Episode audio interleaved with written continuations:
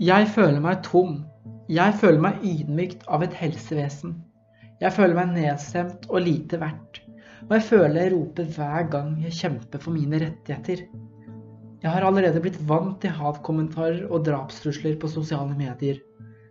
Men jeg fikk ettervirkning fra min egen kamp i fjor høst på appen TikTok. Jeg har blitt innlagt utallige ganger i helsevesenet dette året, og jeg har utallige ganger blitt omtalt med feil pronomen.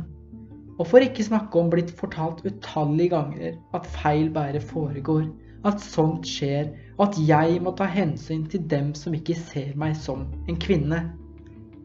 Jeg personlig skulle bli tatt vare på av et helsevesen, men som har endt opp med å svikte meg på nesten alle områder.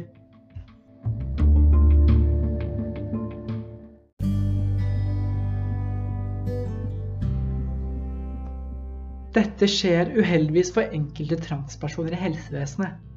Enkelte transpersoner blir dominert, og maktbalansen blir totalt misbrukt. Helsevesenet som skal hjelpe oss, kan gjøre livene våre verre. Vi blir reddere og mer utrygge. Og vår tillit til helsevesenet blir ikke noe bedre. Dessverre kan helsevesenet tro at transpersoner har et forsøk på oppmerksomhet når vi sier hvor ugreit det er å bli omtalt feil.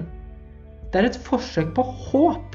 Forsøk på å bli sett som en likeverdig person.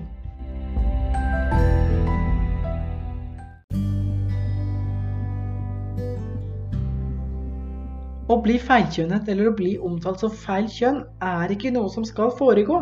Det hjelper ikke med en eneste unnskyldning, for det har allerede skjedd. Jeg har allerede rukket å kjenne på det.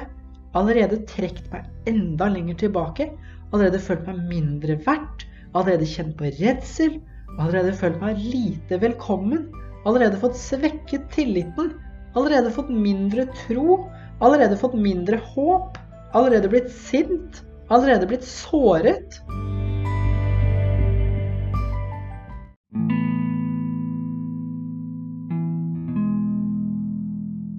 Vær så snill å se transpersoner rett gjennom.